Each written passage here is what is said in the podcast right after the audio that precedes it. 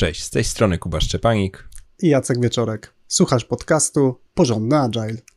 Rozmawiamy o tym, jak pracować zwinnie i jak robić to porządnie. Zapraszamy.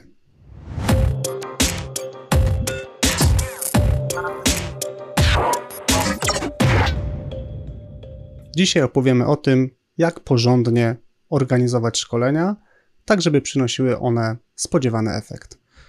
Podzielimy się perspektywą, która jest zbudowana na bazie naszych doświadczeń.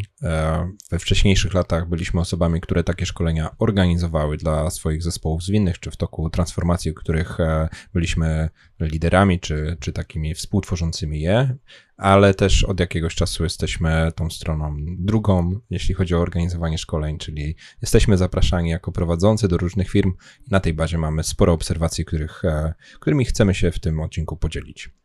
Słowem wprowadzenia e, warto powiedzieć, co nam grozi, kiedy szkolenia będą źle zorganizowane, czy będą zorganizowane w niewłaściwy e, sposób.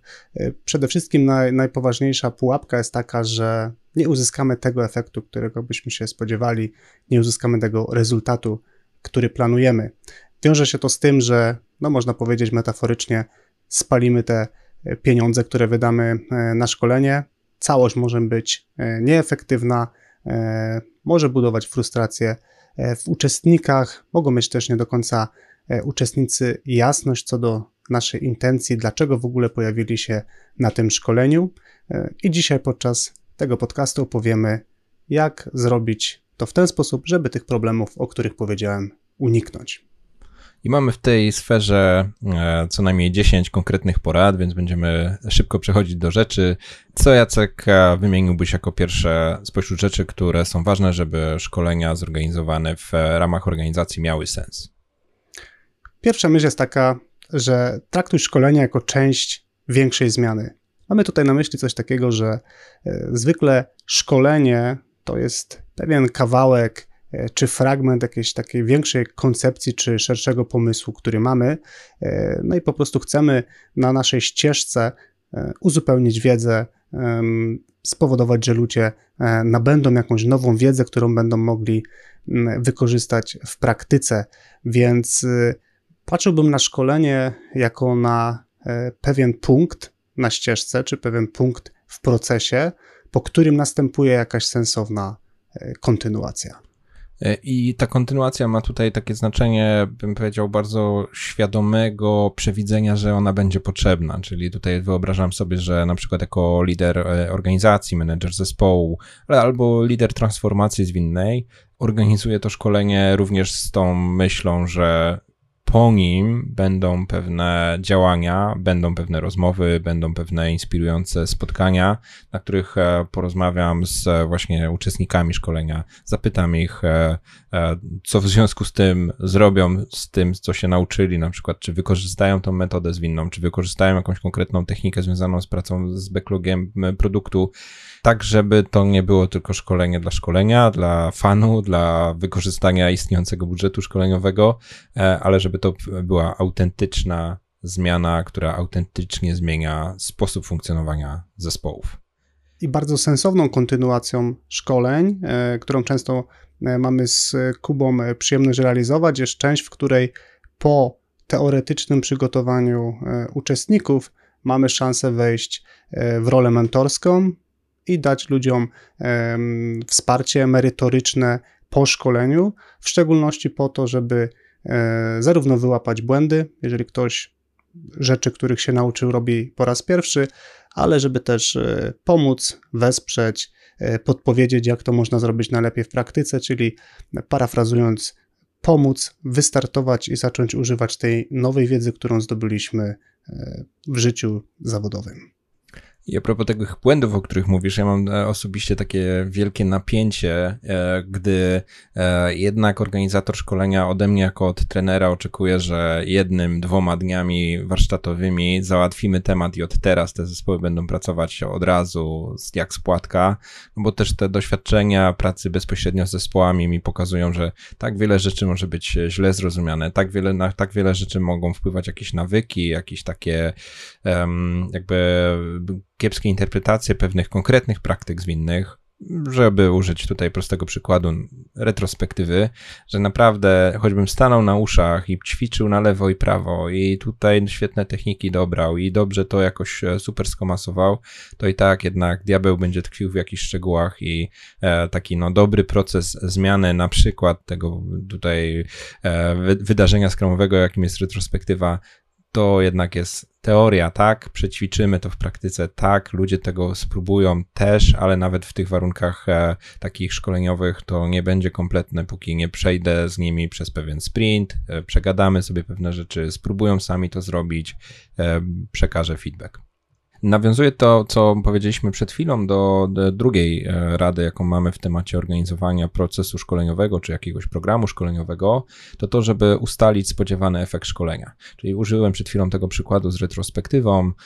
Wyobraźmy sobie hipotetycznie, że w jakiejś organizacji na przykład nie następuje usprawnianie się, e, te spotkania są jakieś takie ceremonialne, ale niekoniecznie przynoszą jakieś konkretne rezultaty. No i tutaj e, organizator tego szkolenia osoba lub grupa osób, które wymyślają to, co mamy, czy chcemy osiągnąć, jaką zmianę chcemy osiągnąć, dobrze, żeby tutaj umiał e, nazwać swoje konkretne potrzeby, czy potrzeby zespołów, potrzeby organizacji i dopiero na tej bazie dobierał konkretne szkolenie. I może się to wydawać e, trywialne, ale niestety mamy też e, sporo takich przemyśleń, że wiele, wiele osób, wiele firm mocno zapatruje się, czy tak jakby za łatwo wpada w pułapkę szkoleń z katalogu. Mhm. To bardzo często się objawia mm, czymś takim, że klient y, zgłasza się do nas i mówi, potrzebuje e, szkolenia z zaawansowanej zwinności. E, no i oczywiście to, to uruchamia w nas ciekawość, dlaczego zaawansowanej i jak bardzo już jest zaawansowana.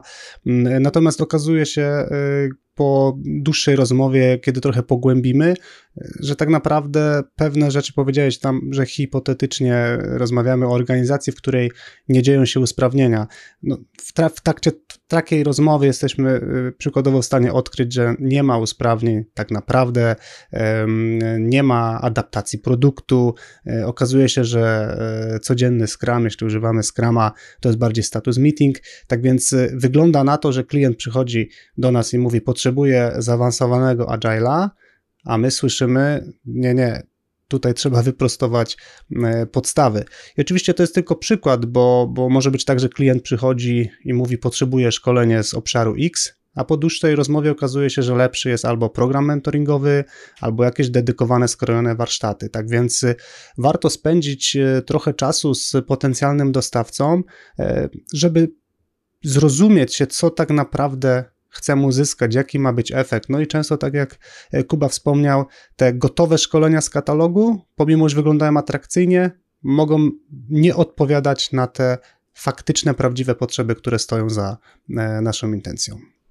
I nie, nie sugeruję, że klient nie wie, czego chce, chociaż czasami się tak zdarza, a bardziej chodzi o ten efekt, że zaufajmy temu naszemu partnerowi e, szkoleniowemu e, w tym, żeby też no jednak poddać się pewnej rozmowie, czy faktycznie to, co nam się zamarzyło, to, co sobie zdefiniowaliśmy, według wiedzy tego tutaj partnera jest, e, jest faktycznie no, optymalnym sposobem na, na, na, na szkolenie, na jakieś warsztaty, ale też po prostu na zmianę w firmie, bo tutaj, no, przynajmniej w tej sferze zwinnej, e, sami czujemy, że, że ta granica między szkoleniem, warsztatem, a po prostu pewną, pewną inicjatywą wsparcia organizacji jest e, dosyć płynna i, i ten skuteczny efekt e, osiąga się jednak bardziej kompleksowym działaniem.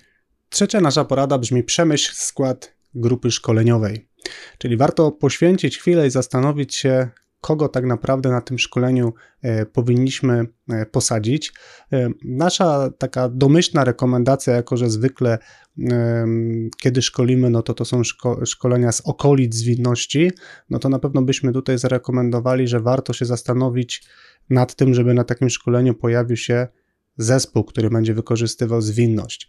Czyli sensownie, żeby to był jakiś taki skład interdyscyplinarny, który faktycznie za chwilę być może będzie startował nowy projekt albo będzie rozwijał nowy produkt. E, nieco gorszym pomysłem może być powybieranie osób tylko o jakichś określonych kompetencjach z różnych zespołów, no bo może się okazać, że jeżeli tylko jedna czy dwie osoby z konkretnego zespołu e, nabędą wiedzę na szkoleniu, to może to być zbyt mało, żeby uruchomić taki pozytywny efekt kuli śniegowej, gdzie e, wszyscy na świeżo są e, podekscytowani nową wiedzą e, i gotowi wypróbować to w praktyce. Ten, e, czasami się nie da szkolić e, danego zespołu, albo po prostu szkolenie nie jest e, tego typu, bo na przykład chcemy zrobić jakiś zastrzyk wiedzy na przykład menedżerom, albo zastrzyk wiedzy dla product ownerów z jakichś konkretnych technik, czy scrum masterów z całej firmy, ale nadal nawet wtedy warto się zastanowić, czy nie wpadamy w jakąś pułapkę. Wielokrotnie spotykam takie głosy po szkoleniu, że na przykład, no fajna ta wiedza, Wyobraźmy sobie na przykład szkolenie dla menedżerów e, pierwszego stopnia. Fajna ta wiedza, ale na tym szkoleniu powinien być też mój dyrektor, bo dużo z tych rzeczy, o których tu mówiliśmy, to zależy też na przykład od tego, jak zachowuje się dyrektor. No i e, już nawet nie chodzi, czy to jest wymówka, czy to jest jakaś taka sugestia, tylko bardziej chodzi o to, że w e, ramach fajnej interakcji szkoleniowej, w ramach przerabiania, przerabiania jakiegoś case'a, podsumowywania wynik, wyników jakiegoś ćwiczenia, po prostu grupa zyskuje na różnorodnej perspektywie. I druga rzecz, która też jest często potrzebna, to grupa zyskuje, jeśli mniej więcej są z podobnego świata. Czyli na przykład właśnie zespół produktowy opiekujący się jakąś sferą, która być może ma swoje takie indywidualne wyzwania, indywidualne tematy, które warto też z trenerem przerobić. E, które nie będą, e, nie wyjdą, jeśli grupa będzie zupełnie taka od sasa do lasa, tu trochę deweloperów mobilnych, a tu trochę deweloperów od hurtowni danych, e, no bo to po prostu może się okazać, że będzie takie spłaszczone, ogólne, czy tak nazwę, ogólno-spożywcze o wszystkim i w sumie o niczym, bo nikogo tak dokładnie nie zainteresowały jakieś szczegóły, o które inne osoby pytały. I do tego, co mówisz, Kuba, że warto, żeby się pojawił mój menedżer, to dołożyłbym coś takiego, że e, dobrze poprowadzone szkolenie zwykle uruchamia ciekawe dyskusje i może się okazać, że warto posłuchać sobie tych dyskusji, bo e, umiejętności trenerskie w zadawaniu pytań, na przykład, czy obserwowaniu odpowiedzi z grupy i wyciągania z, z tych wypowiedzi smaczków mo może spowodować, że to będzie pierwsza taka ciekawa dyskusja, gdzie ludzie głęboko zejdą i się zastanowią, jak wygląda nasz proces pracy, jakie są problemy. I, i tak jak mówisz, często słyszę, że no to są wszystko fajne rzeczy, o których mówimy, tylko. Y, mówisz to, czy mówimy to do niewłaściwych ludzi. Jakby tutaj hmm. brakuje osoby X, osoby Y, osoby Z. Okay, następna rada, którą byśmy chcieli przekazać, to takie założenie, żeby wyrównać wiedzę u wszystkich e, członków zespołu, a może nawet u wszystkich e, w całej e, części struktury organizacji. Czasami ostatnio coraz częściej spotykamy się z takim zjawiskiem, że coraz więcej osób ma na koncie jakieś doświadczenia po szkoleniu. Czasami nawet słyszę, to już jest moje trzecie szkolenie z podstaw Scrama. No i takie, takie E, może być czasem złudzenie, że może ta osoba już nie potrzebuje tego szkolenia, e, może zaoszczędźmy, zróbmy szkolenie tylko dla tych, którzy czują, że e, są zupełnie początkujący. No i to się świetnie łączy z tym punktem poprzednim, że z tego powodu niektóre organizacje na przykład szkolą tylko świeżo zatrudnione osoby albo osoby bez żadnego jakiegokolwiek doświadczenia i na przykład z tego powodu gubi się ta okazja do pracy całym zespołem ale nawet nie chodzi o to, żeby cała sala była wypełniona ludźmi, którzy e, deklarują, że jeszcze nie byli na żadnym szkoleniu.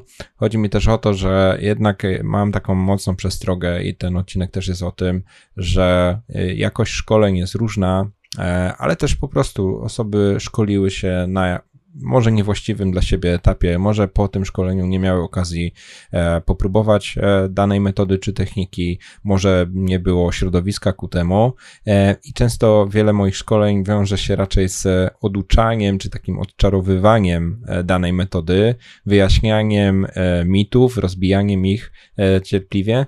I to też może być wartość, czyli całym zespołem spotkajmy się, wyrównajmy tą wiedzę, u tych, którzy tej wiedzy nie mają wcale, no to nastąpi prosty transfer e, ćwiczeń i praktyk i teorii i różnych modeli, ale u tych, którzy być może mają jakieś e, niedociągnięcia w tej swojej wiedzy, nawet nie zdając sobie sprawy, bo tutaj będziemy mieli do czynienia z nieuświadomioną niekompetencją, e, no to jest okazja, żeby być może w trochę e, mocniejszych interakcjach e, trener również takie rzeczy wyłapał i na przykład no, wyjaśnił, opowiedział, e, uzmysłowił, że, że tu jest coś do poprawy.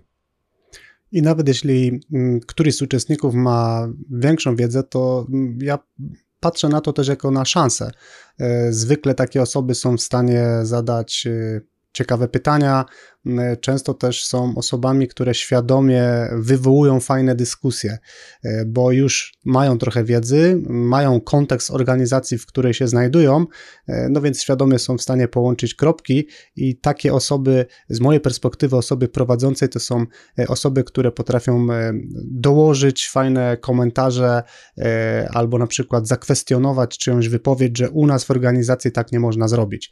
No i wtedy ta osoba jest w stanie powiedzieć chwila, chwila, przecież możemy zrobić to w taki czy w inny sposób. I ja nie jestem w stanie dać tak dobrego przykładu, e, no bo po prostu nie mam tego kontekstu organizacyjnego.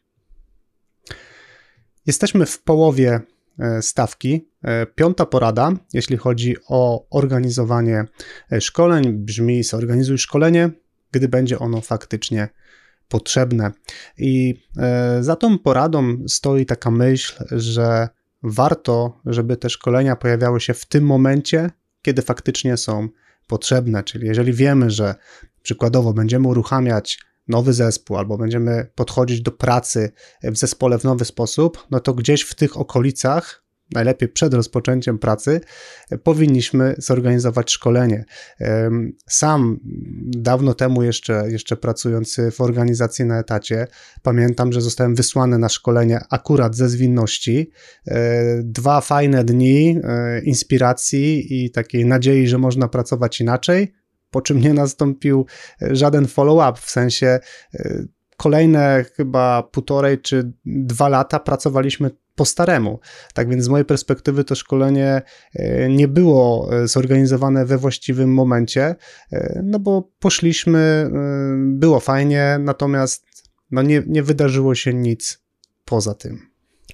No kto jest bezwinny, niech e, pierwszy rzuci kamieniem, bo tutaj to też jest miejsce, gdzie ja spokojnie mogę powiedzieć, że sam źle tak organizowałem, przed czym w tym odcinku chcę przestrzec, e, bo czasami to tak jest, że na przykład w większej organizacji e, prościej ze względów organizacyjnych po prostu zrobić dużą grupę, może, może mamy na przykład trenera tylko w rzadkich momentach, więc przy okazji po prostu dopełniamy wolne miejsca na sali. Czasami to też mnie kiedyś spotkało, że jesteśmy taką ofiarą jakiegoś takiego pogłosu o tym, że o, tam fajne szkolenia, to mi też zróbcie. No i się okazuje, że jako wewnętrzny agile coach nie wychodzę z sali, bo wszyscy chcą szkolenia, tylko później nie ma czasu, żeby tego efektu szkoleniowego skonsumować, bo na przykład nie ma czasu, żeby wesprzeć, albo po prostu nie jest to właściwy moment, żeby ta ekipa, nawet jak się super zapali do tego, żeby pracować e, daną metodą, po prostu z tych czy innych powodów nie będzie im to dane, a upłynie parę miesięcy i mog mogą pewne sprawy takie no, ważne gdzieś tam albo poza pozapominać, albo, albo powykrzywiać. Więc tutaj e, warto trochę, tak bym powiedział, wziąć na wstrzymanie, wziąć głęboki oddech i poważnie się zastanowić, czy czasami nie wpadamy w jakąś taką pułapkę, e, czy to właśnie jakiejś ekscytacji, albo jakąś pułapkę tak, takiego uproszczenia organizacyjnego, że szkolimy na przykład e, tabuny ludzi, szeroką ławą mnóstwo zespołów, po czym się okazuje, że część z tych zespołów nie dostaje tego wsparcia, co trzeba, a część nie będzie pracować, e, mimo że właśnie zainwestowaliśmy e, w nowe kompetencje czy nowe umiejętności pracy inaczej niż do tej pory. Szóstą poradą, którą mamy w temacie szkoleń, to jest coś, co też mocno wynika z naszych osobistych doświadczeń, to to, żeby preferować szkolenia od praktyków i z praktyki. E, spotykamy to coraz częściej, e, że mnóstwo szkoleń, zwłaszcza tych takich najbardziej podstawowych, najbardziej popularnych, podstawy Agile, podstawy Scrama, rola Scrum Mastera.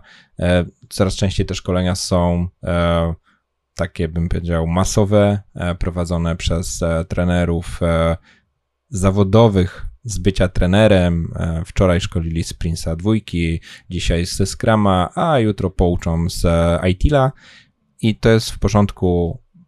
Jakby nikomu nie patrzę na to, jak zarabia na chleb, natomiast no, jako organizator takiej akcji dwa razy przyjrzałbym się, e, jakie kompetencje praktyczne, jakie osobiste doświadczenia ma osoba, która będzie nam opowiadała o tym, że można pracować inaczej.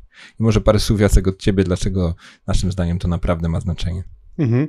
No ja bardzo dobrze pamiętam, jak sam byłem słuchaczem na podyplomowej szkole y, zarządzania projektem i widziałem, jaką różnicę robią osoby, które były tam po prostu wykładowcami i opowiadały teorie, w porównaniu, gdy wchodziła osoba, która po prostu w praktyce e, zarządzała projektem. To były zupełnie inne historie, to była zupełnie inna inspiracja, to były zupełnie inne odpowiedzi na e, pytania. Tam po prostu było czuć praktykę i e, ja osobiście zarażałem się entuzjazmem od tych osób. Tak więc, jeżeli zależy nam na uzyskaniu też odpowiedzi na, na zadawane pytania w trakcie szkoleń, które bardziej pokazują, jak to wygląda w praktyce, a nie co mówi teoria i książka, no to zdecydowanie warto poszukać ludzi, którzy są w stanie wykazać się e, papierem, że tak powiem, na to, że te rzeczy, o których będę Wam e, opowiadał czy opowiadała, robiłem czy robiłam w praktyce. No i wtedy możemy mieć pewność, że dostaniemy na każde pytanie bardziej pewien wachlarz odpowiedzi, albo zostanie to odbite jeszcze e, pogłębiającym pytaniem, a nie jakąś tam podstawową e, odpowiedź, taką, którą no, w trzy sekundy możemy sobie zgooglować w internecie. I nie chcę generalizować na inne sfery, ale jestem przekonany, że w sferze pracy zespołów, e, w sferze pracy zwinnej, w sferze konkretnych metod, takich jak na przykład Scrum, no ta praktyka robi różnicę. To są wszystko rzeczy bardzo pragmatyczne, tego się nie nauczysz z książki, a zwłaszcza nie tych niuansów, czyli też coś, co e, zawsze widzę, jak e, uczestnicy szkoleń, które organizowałem, gdy byłem w środku organizacji, a teraz też, gdy jestem trenerem z zewnątrz, e, zawsze cenne są te rzeczy, prawdziwe historie, realne, pragmatyczne podejście, to wszystko, no, to nie jest coś, co wyczytam, to nie jest coś, co przekażę z drugiej ręki, bo zasłyszałem u kogoś. I też nie dajmy się e, wrobić w taką historię, że tak w praktyce do tego całego Agila albo Scruma to tak nikt nie robi, więc to nie ma różnicy. I tutaj pan trener zrobi to e, naprawdę dobrze, bo robi dużo dobrych szkoleń z bardzo różnych dziedzin. No, sorry, ale nie. No nie, jako porządny agile y, walczymy o wysoką jakość tego, y, jak opowiadamy o, o zwinności. Kolejna nasza porada, a właściwie przestroga brzmi: szkolenie nie zaczyna się pierwszego dnia na sali. Y, I tutaj to, co mamy na myśli, to to, że warto zastanowić się nad wprowadzeniem wcześniej dla uczestników, które pomoże im osadzić siebie e, w procesie szkoleniowym. E, co tutaj mam e, na myśli? To może być chociażby e-mail, który wysyła osoba prowadząca szkolenie z jakimś tam wyprzedzeniem e, do uczestników, dając jakiś kontekst, jakiś background, e, informując może w jakiś taki sposób e, ogólny, jaka będzie logistyka, może jest jakiś materiał, który warto sobie przeczytać, czyli mamy jakieś wprowadzenie i osoby, które na szkolenie się wybierają, no mają coś, o co mogą się zaczepić. Inny przykład to może być komunikacja słowna, od menadżera, po to, żeby wyjaśnić, dlaczego to jest ważne, e, czego będziemy oczekiwać od konkretnej osoby po szkoleniu, na co warto zwrócić uwagę.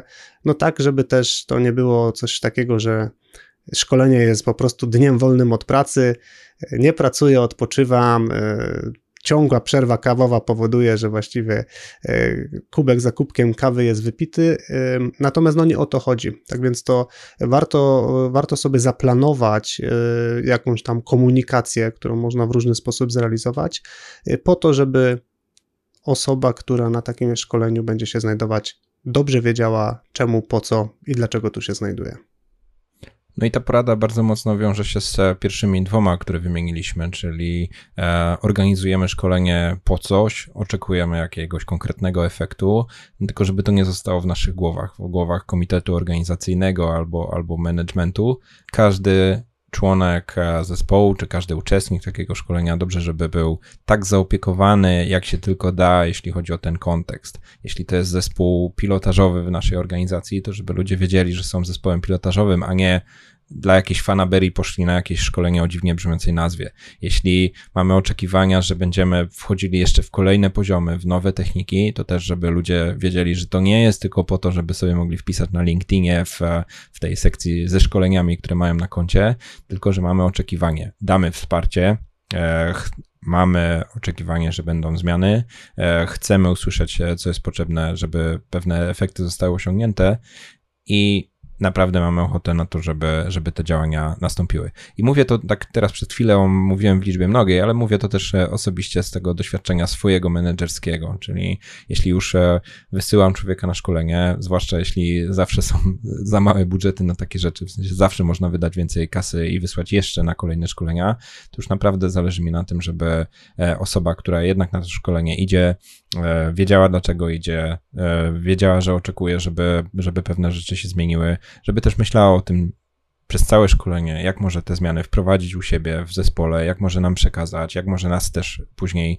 pozostałych zainspirować, jeśli to jest akurat ten przypadek, że jedna osoba idzie na jakieś szkolenie, no lub cały zespół może też usłyszeć, słuchajcie, jesteśmy tu konkretnie po to, żeby to zastosować, żebyśmy to i, i z tą myślą idźcie przez całe szkolenie.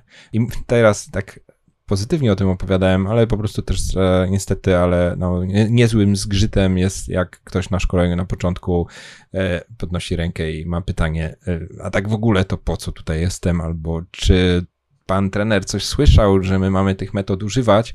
No i wiecie, no trochę e, duży dysonans, bo ja wiem od zarządzających, którzy mnie ściągają, że na, tam nagrzani bardzo na metody zwinne, po czym na sali jest uczestnik, który po prostu kompletnie nie czuje tego kontekstu, więc on będzie to szkolenie konsumował też zupełnie w inny sposób. Następna rada, jaką mamy do przekazania, to też powiązana z rolą menedżera, e, pomóż uczestnikom e, skupić się na zdobyciu wiedzy.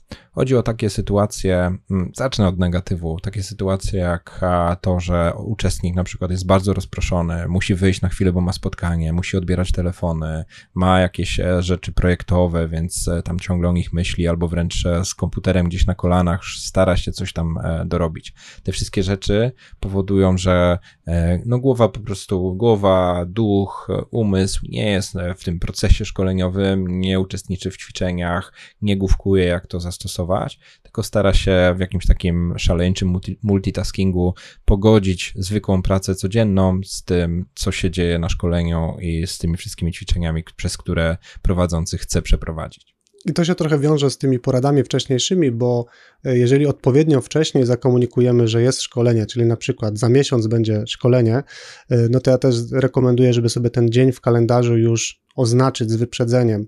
E, no i po prostu tego dnia jestem niedostępny, niedostępna nie ma mnie.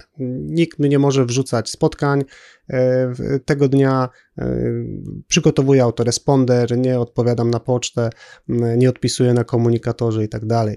I oczywiście wyobrażam sobie sytuacje awaryjne w stylu jakieś sytuacje kryzysowe, e, no, gdzie ktoś po prostu musi, musi interweniować, no, ale to są, to są wyjątki, a bardzo często mam wrażenie, że to jest po prostu takie tak z rozpędu przyszliśmy, ale widzę, że, że to no, nie zostały poczynione kroki, które zapewniłyby to skupienie.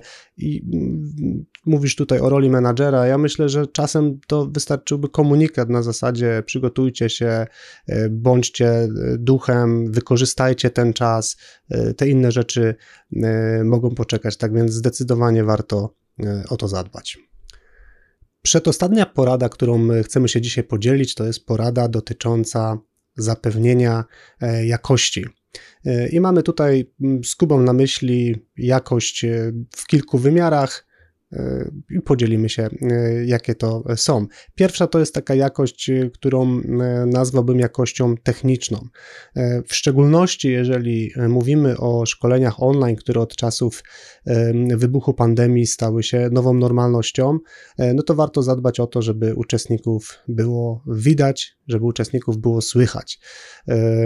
O kamerach, o włączaniu mówiliśmy już wcześniej w odcinkach o pracy online, natomiast no, warto, żeby już e, półtorej roku od wybuchu pandemii mieć jednak porządne kamery, dobrze, żeby one działały, e, żeby były poprawnie zainstalowane i tak samo mikrofony, czyli jak już pracujemy zdalnie, no to zróbmy wszystko, żeby ta jakość techniczna była e, no po prostu, żeby nam nie przeszkadzała. Moim zdaniem to powinno być coś, co jest takie niewyczuwalne, czyli tak jak teraz nagrywamy ten odcinek, ja widzę Kubę, słyszę, no po prostu warunki są komfortowe i to samo ta jakość techniczna może dotyczyć przeglądarek, czyli przykładowo jeżeli trener używa e, jakichś dodatkowych narzędzi w stylu Mural, Miro, e, Google Jamboard, no to warto byłoby wcześniej też sprawdzić, czy na przykład e, dziadek Internet Explorer radzi sobie z tymi produktami.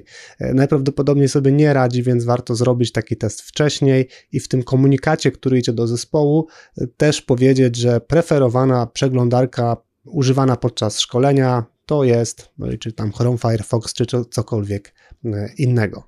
Mogłoby się wydawać, że to są trywialne rzeczy, ale jak już jesteśmy na tej sali szkoleniowej i się okazuje, że jednego uczestnika nie słychać, a drugi jak mówi, to przy okazji słychać jego sąsiada, a trzeciego e, to w ogóle nie mamy ze sobą, bo ma nieaktualne jakieś tam oprogramowanie albo firewall go odciął, no to jest dramat, bo my już na tym szkoleniu nic z tym nie zrobimy. I to są rzeczy, które da się zaplanować, to, się, to są rzeczy, które się da relatywnie prosto sprawdzić.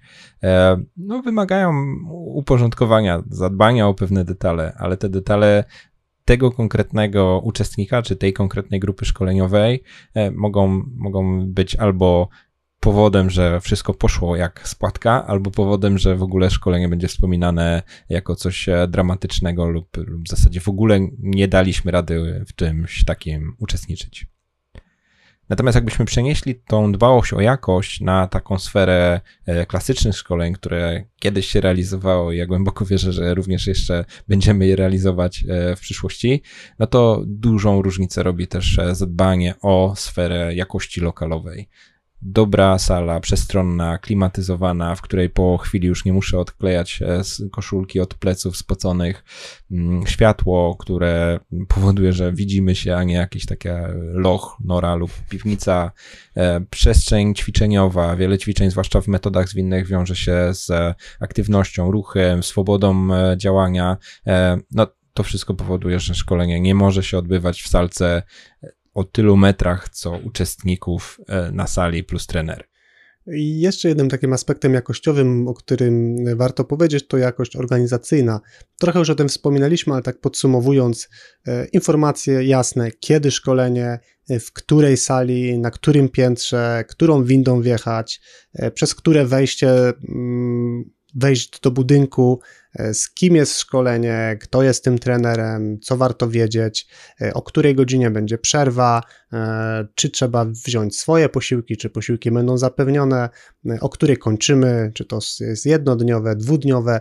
Tak więc no, można powiedzieć absolutne podstawy, ale czasem jednak tych rzeczy brakuje, gdzieś tam umykają. No i to powoduje jakiś tam dyskomfort y, uczestników, a jednak bym y, działał tak, żeby zminimalizować wszystkie rzeczy, które rozpraszają, żeby ludzie faktycznie, jak już na te y, szkolenie dotarli, żeby mieli po prostu jak najlepsze warunki, żeby tą wiedzę przetrawić, przemyśleć i przyswoić. I ostatnia porada, taka czuję, że dla nas bardzo klasyczna, to to, że e, takie działania związane z e, szkoleniami, zwłaszcza jeśli mówimy o większej organizacji, która realizuje pewien program szkoleń, pewien cykl, e, czy, czy szkoli wiele zespołów kolejnymi następującymi po sobie szkoleniami, no to jest świetna okazja do tego, że każde takie szkolenie jest okazją do refleksji i usprawniania. E, tutaj mamy na myśli wiele wymiarów. To może być wyciąganie wniosków na temat dopasowania materiału szkoleniowego do potrzeb, bo tutaj ile byśmy nie planowali, to rzeczywistość może się okazać nadal zaskakująca. To też może być ten wymiar um, organizacyjny, wyciągania wniosków, bo może ta sala jest za mała, a może tutaj jest za daleko, a może tu się źle dojeżdża, a może godziny nie takie. Kupę rzeczy może wyjść i, wszystkie rzeczy, które wymieniam, to są z doświadczenia bycia organizatorem różnych akcji szkoleniowych e, wewnątrz firm. No i wreszcie ten wymiar, e, czy osiągamy efekty, zwłaszcza w dłuższym okresie. Czy to szkolenie wystarczająco pomogło zespołom na przykład wystartować, czy wystarczająco przekazało wiedzę, żeby zastosować jakąś nową technikę, e, a może potrzebne jest jeszcze jakieś inne podejście, może zmodyfikowanie. E, to naprawdę jest okazja do takiej na przykład skramowo znanej nam inspekcji i adaptacji. I myślę, że im mniej przygotowywaliśmy się do szkolenia, tym bardziej zwróciłbym uwagę na to, żeby takiej refleksji dokonać. E, czasem robią to trenerzy nawet w środku szkolenia, czyli e, przykładowo jak mamy dwudniowe szkolenie, no to na koniec pierwszego dnia jest jakaś taka mini retrospektywa, mini sesja usprawniająca. E, jeżeli trenerzy tego nie robią, no to warto o to zadbać organizacyjnie, jeżeli wiemy, że mamy więcej tych szkoleń, e, no i po prostu czy w formie ankiety, czy w formie rozmów dowiedzieć się, co rezonowało z uczestnikami, co zadziałało, co nie zadziałało, co warto byłoby usprawnić, no bo zawsze się takie rzeczy znajdą, no tylko po prostu się musi pojawić ktoś, kto takie pytanie e, będzie gotowy zespołom zadać. I taka refleksja z tej sfery, podobna do tego, co mówiliśmy o szkoleniach e, we właściwym momencie, że tak szkoleniach just in time, szczególnie duże ryzyko się tworzy, jeśli robimy taką bardzo szeroką ławę, akcję szkoleniową na wiele zespołów, e, ciasno napakowane.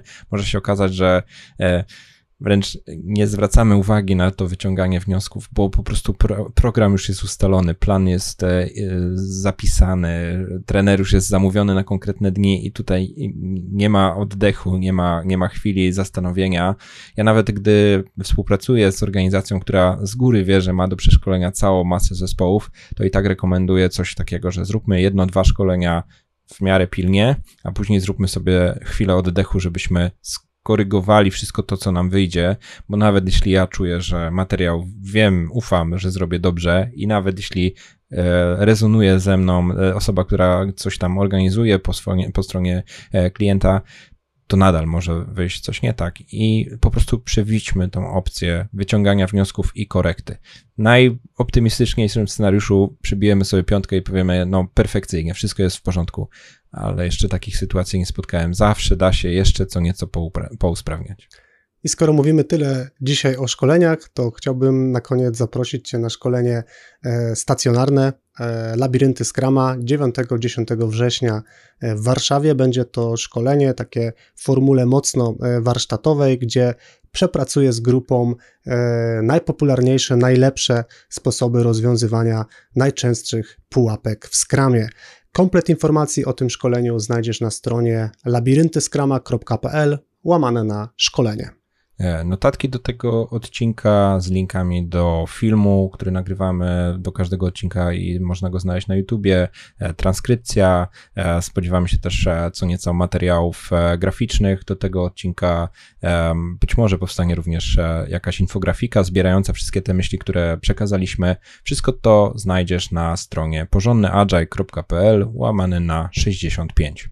I to by było wszystko na dzisiaj. Dzięki Kuba. Dzięki Jacek i do usłyszenia wkrótce.